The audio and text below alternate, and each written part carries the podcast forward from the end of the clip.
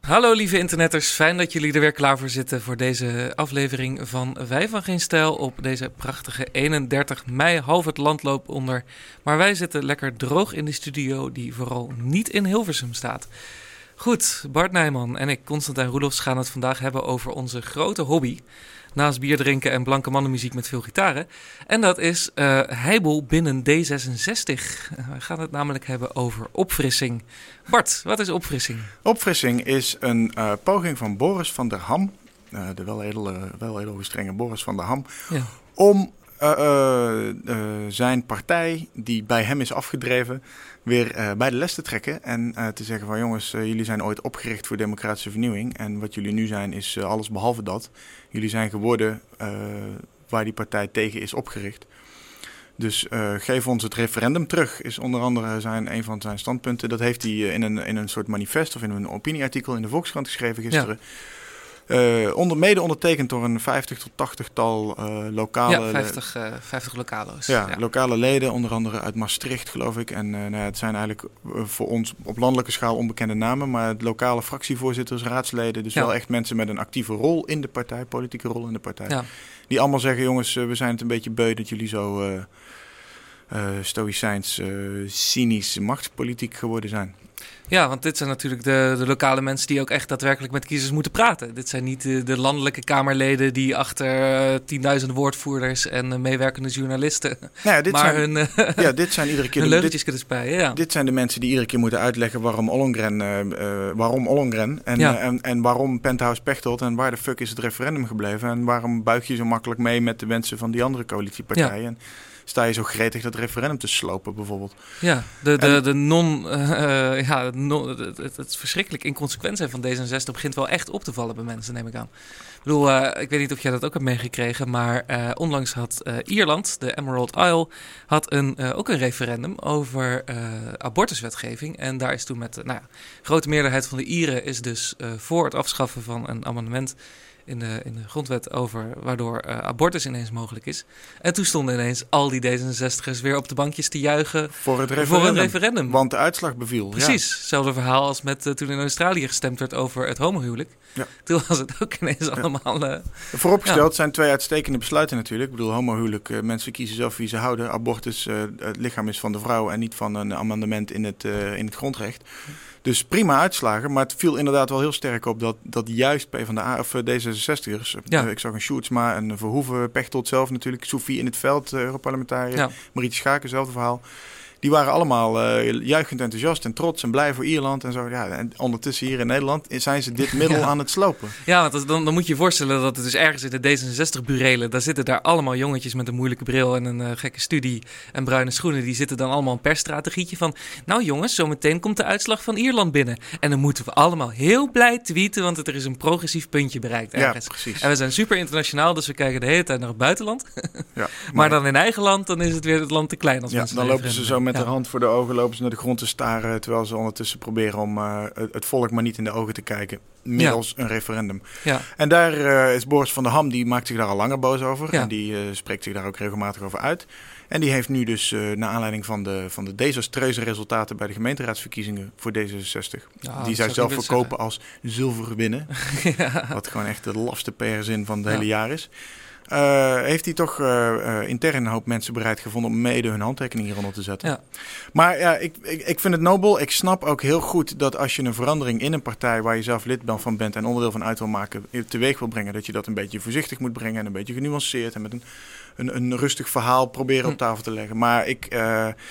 Ja, ik denk dat het een zinloze missie is, want D66 is onder Pechtold veranderd in een soort uh, cynische machtspartij die ja. uh, regeert per spreadsheet.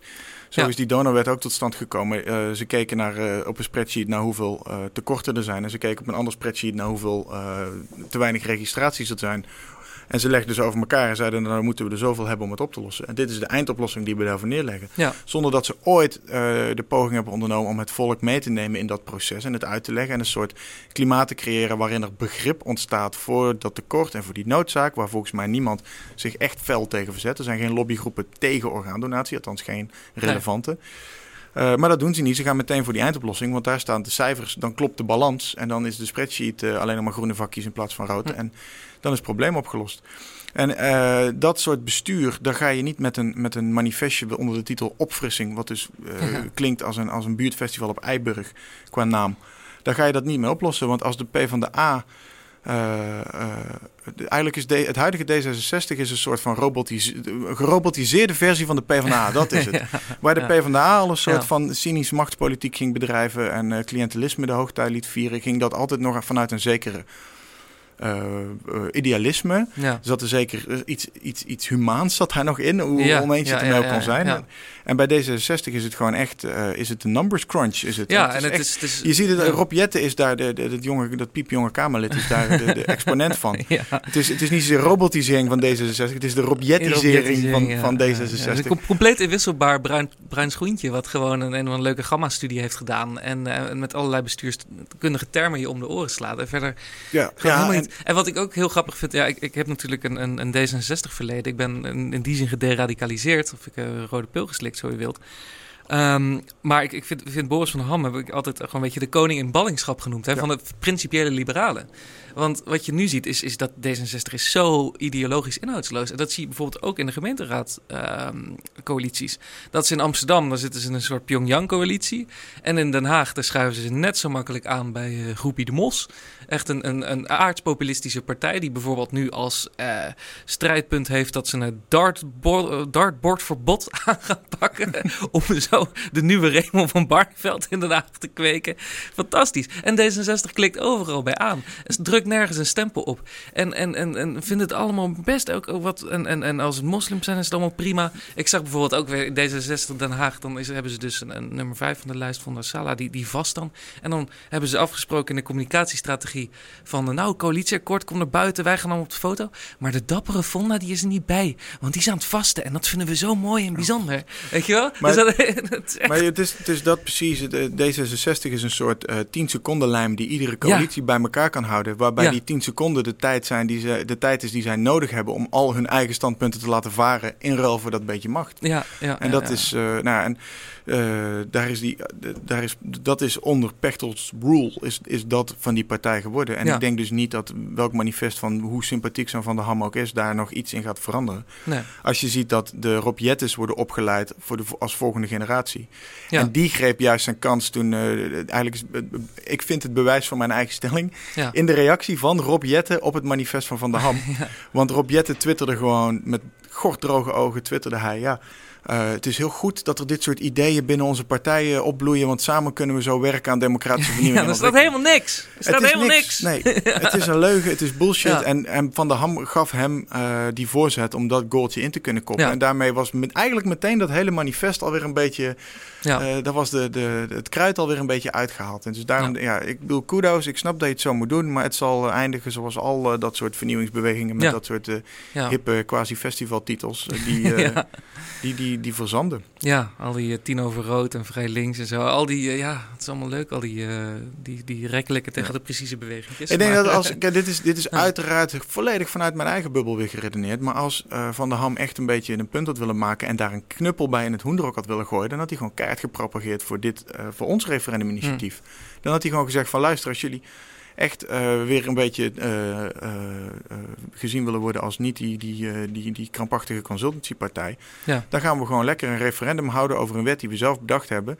Om ja. te bewijzen dat die wet misschien wel heel goed is en dat mensen hem willen. Durf het dan maar eens aan. Ja, maar ik denk, ik denk dat de partij eigenlijk daarvoor al te ver heen is. Maar als je ja. bijvoorbeeld kijkt naar het opiniepanel van één vandaag, daar, daar loopt 66, of, wat is het?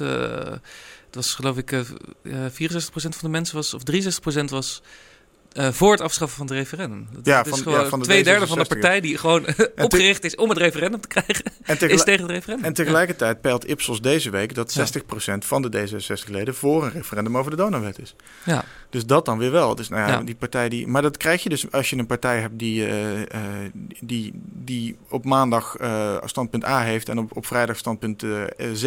Ja, ja. En nou ja, daar, het loopt gewoon vast. En ik, ik, hoor, ik hoor proef ook een beetje dat in de coalitie D66 de partij ziet slechts licht. Omdat ze wel de grootste broek aantrekken qua uh, qua, qua nou ja, belerendheid en qua, hm. qua even de mensen uitleggen hoe het moet. En ja. Nou ja, dat, uh, het, het, het wringt en het trekt aan alle kanten. En uh, je mag eigenlijk hopen, want hij, Pechtold heeft de gemeenteraadsverkiezingen overleefd. Ja. En je mag hopen dat ze bij de provinciale statenverkiezingen volgend jaar alsnog zo'n tik krijgen. Dat ze dan toch echt zeggen van ja, nou is het mooi geweest met die penthouse, penthouse pooier ja. op dieven.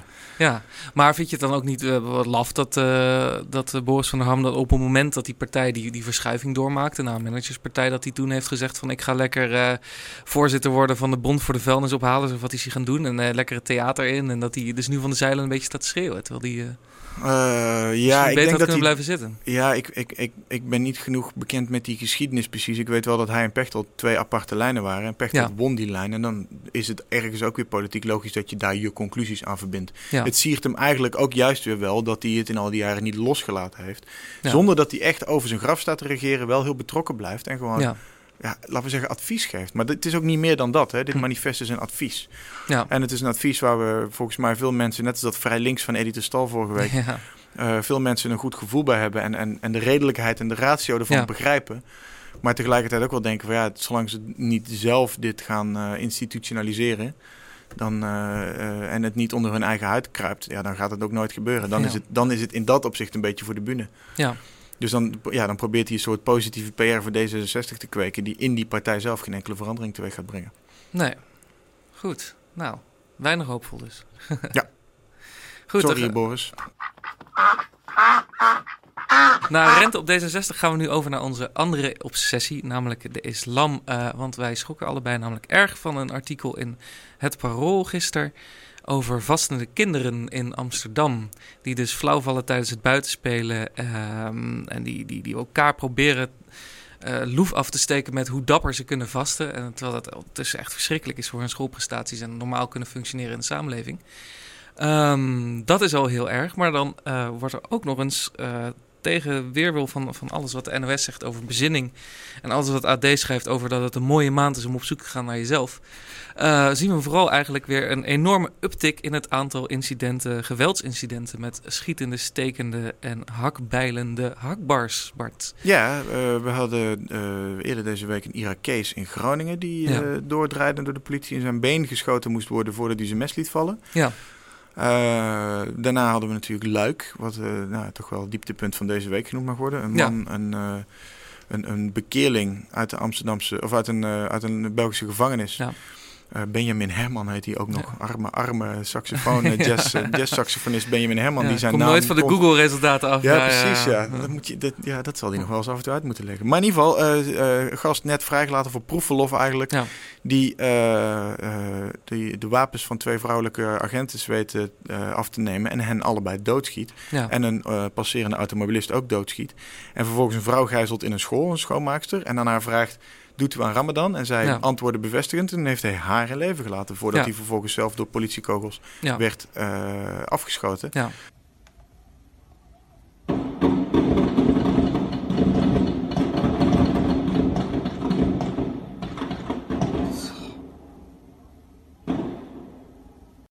Uh, waarbij nog eens vier agenten gewond raakten. Dus ja, het was weer prijs. En toen kregen we vervolgens gisteren in Nederland weer in Schiedam een, uh, een, een twintiger uh, van Syrische afkomst die met een hakbel staat te zwaaien in een appartement. Ja.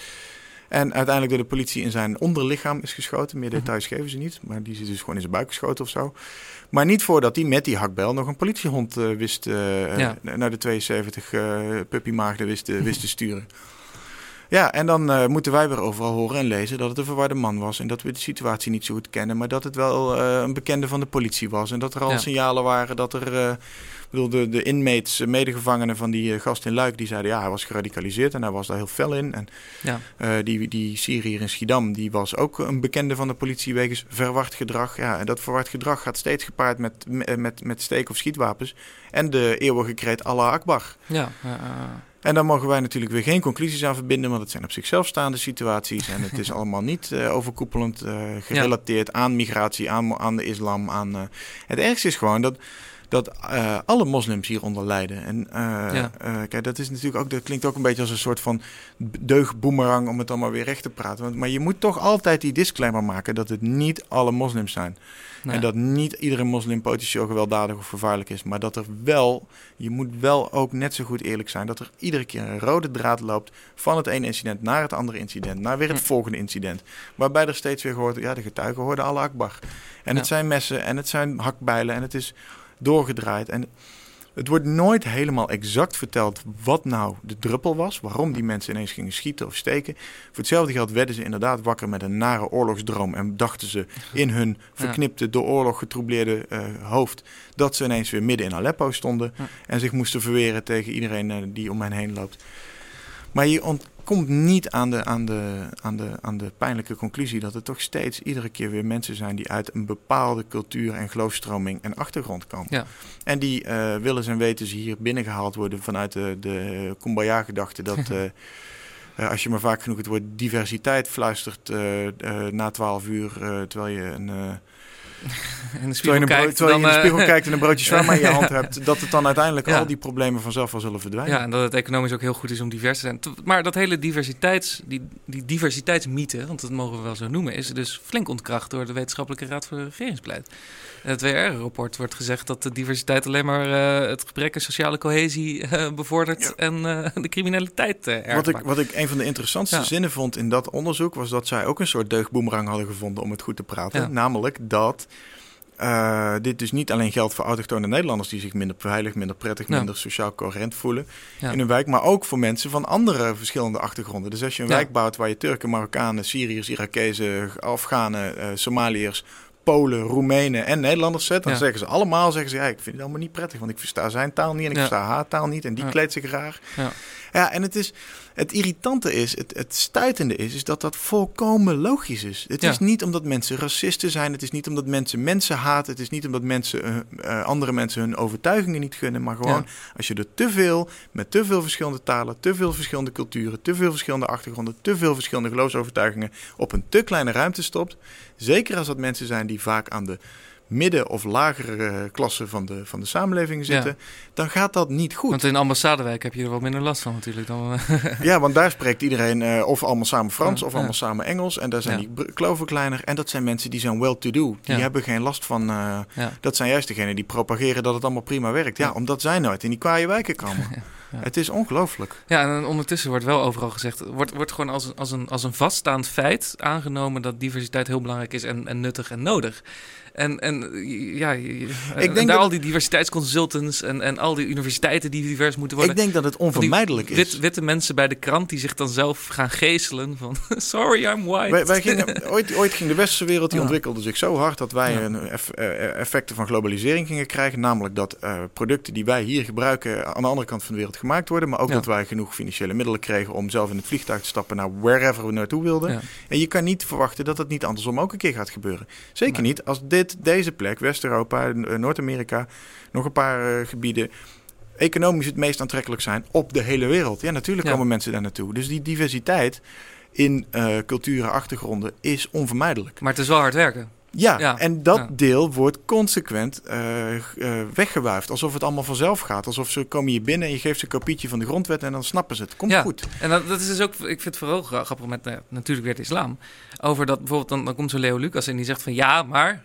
Leo Lucas met een andere idee Komt hij weer van ja, maar Nederland is al eeuwen een migratieland. eh, dus we moeten niet zo raar doen met moslims. Terwijl het, het stomme is natuurlijk juist, doordat we al eeuwen een migratieland zijn, weten we precies wat wel werkt bij migratie en wat niet. Ja. en dus als je hier een onaangepast, met een onaangepast kutgeloof komt, waar je ook nog eens het openbare leven domineert en waar je ook nog eens een uitzonderingspositie eist, dan krijg je weerstand. Ja. En zeker als, zeker als dat Het is een- juist omdat we een migratieland zijn, is er dat die weerstand is tegen die Ramadan-drammers. En tegen ja. dat, dat in Amsterdam gewoon de scholen last krijgen met vastende leerlingen en zo. Eh, dat is dus precies juist. En die dan vervolgens Ja. alle ruimte geven. In plaats van zeggen, ja, doe eens normaal. Hier Ja, is naar school. Tot je zestiende leerplicht doen we, doe je wat wij zeggen. Ja, En, dan, en dan daarna zoek je het maar uit. Maar het, Ja. En het is een numbers game. Als er, als er, zoals door die migratiestromen, die, die enorm aangezwollen zijn in de afgelopen jaren. Als daardoor die mensen ook met heel veel tegelijk komen, dan heb je steeds minder buffer om dat goed op te vangen, goed te begeleiden, kritisch Hm. naar te kijken.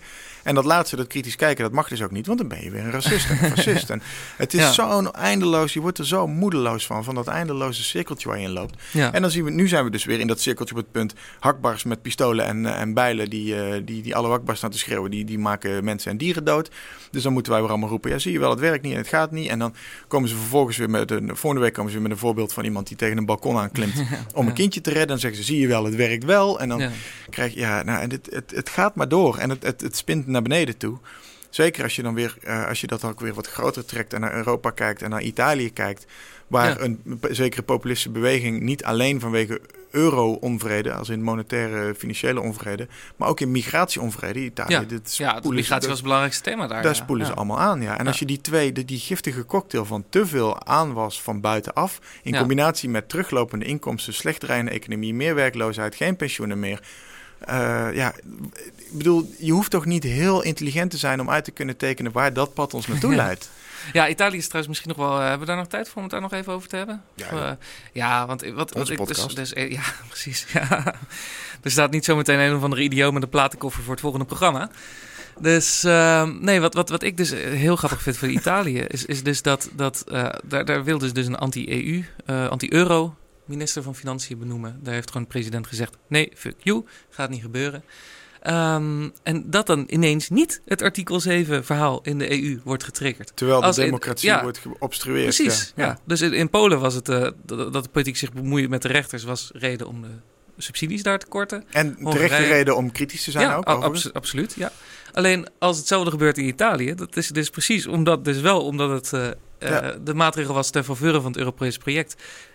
Eh, Past Europa zijn eigen regels We, ineens we niet zagen het een paar maanden geleden in Catalonië ook. Daar, Ja. waar, de, waar de regering met veel politie inzet een, een vreedzaam referendum, afscheidingsreferendum, gewoon neerknuppelt. En dat Ja. eh, Europa dan zegt van ja, eh, interne kwestie, de, de- Ja, zoeken ze daar maar uit. Ja, ja, ja, heel, nou, heel D66. Ja, Democratie is alleen leuk als het in ons voordeel ja, werkt. en dan kom je inderdaad weer uit bij uh, juichtweets van D66'ers over het, eh, over het volk wat wel een keer de goede keuze maakt als het over Ja. Ierse eh, abortusreferenda gaat. Ja. Maar eh, nou ja, Anyway, Dit gesprek gaan we helaas nog heel vaak voeren en op steeds eh, ook. somberder toon. En Denk het eh, in, het, in, het, in het te vrezen valt ook eh, over steeds hogere slachtofferaantallen en, eh, en, en, en pijnlijke situaties en, eh, en, en bloedvergieten. ja. Ik wil niet al te apocalyptisch klinken, maar je ziet een lijn en die lijn die, die wordt, je ziet nergens waar er iemand met een schaar staat om die lijn door te knippen. Ja. Je ziet die lijn gewoon en de ene keer komen er een paar kort achter elkaar, zoals nu, mogelijk gerelateerd aan Ramadan. Eh, en, en daarna zit er ineens een half jaar tussen waarop de, de Leo Lucassen kunnen zeggen van nou, het valt hem wel mee, zie je wel, uh, ophef om niks. En dan Ja. ineens ontploft er weer ergens een, eh, een moslim in een volle concertzaal. Wie Ja. zal het zeggen? Ja. Of ploegt er weer eentje over honderd argeloze voetgangers door eh, over een boulevard. Ja, Ondertussen proberen wij eh, te roeien met de riemen die we hebben. En eh, proberen we mensen die eh, van ver komen en van buiten dit land komen... en eventueel zelfs nog aan hun moedertaal geklonken zijn... proberen wij... Ik ben een bruggetje aan het maken. ja, Eh, het, ja. Proberen wij eh, dan ook bij onze democratie te betrekken. Ja. En om die reden, en ook omdat we gewoon totaal hypocriet zijn... hebben wij de tekenapplicatie voor het referendum helemaal in het Turks vertaald. We hebben een topic op geen stijl geknald in het Turks... waarin wij zeggen, hey eh, Turkse Nederlanders... Jullie, wij, wij weten bij jullie Turkije altijd nummer één... Eh, dus jullie kijken schotel of in ieder geval niet naar de NOS. En eh, jullie hebben misschien nog niet gehoord dat er een nieuwe donorwet komt. Maar mensen, lieve Turkse mensen, die geldt ook voor jullie vanaf 2020. Ja. Jouw lichaam eh, geregistreerd als orgaandonor als jij zelf niet reageert op overheidsbrieven. Nou, ik Ja. acht de kans vrij groot dat op Turkse deurmatten die brieven vallen en ongelezen bij het vel gaan. Omdat ze denken, Hm. ja, we hebben geen idee waar dit over gaat. Niet geïnteresseerd, wij bemoeien ons niet met dat soort overheidszaken. Zolang het geen blauwe envelop is, dan mag hij bij het vel zonder Ja. gevolgen meestal. En eh, dus wij wilden die mensen daarop patent maken dat ook voor hen deze wet geldt. En dat eh Pia Dijkstra's garantie op stofzuigers, eh, dat als zij die garantie niet wil geven, dan proberen wij het wel om mensen daarop te wijzen. Uiteraard vanuit volstrekt opportunistische overtuiging, om die mensen dan ook te laten tekenen voor een referendum. Ja, Bart Nijman, de Lodewijk Asscher van de referendumbusiness... die gewoon lekker campaignt in het Turks. Als de PvdA het kan, dan kunnen wij het ook. Goed, broodje deuner? Broodje denner. Doei!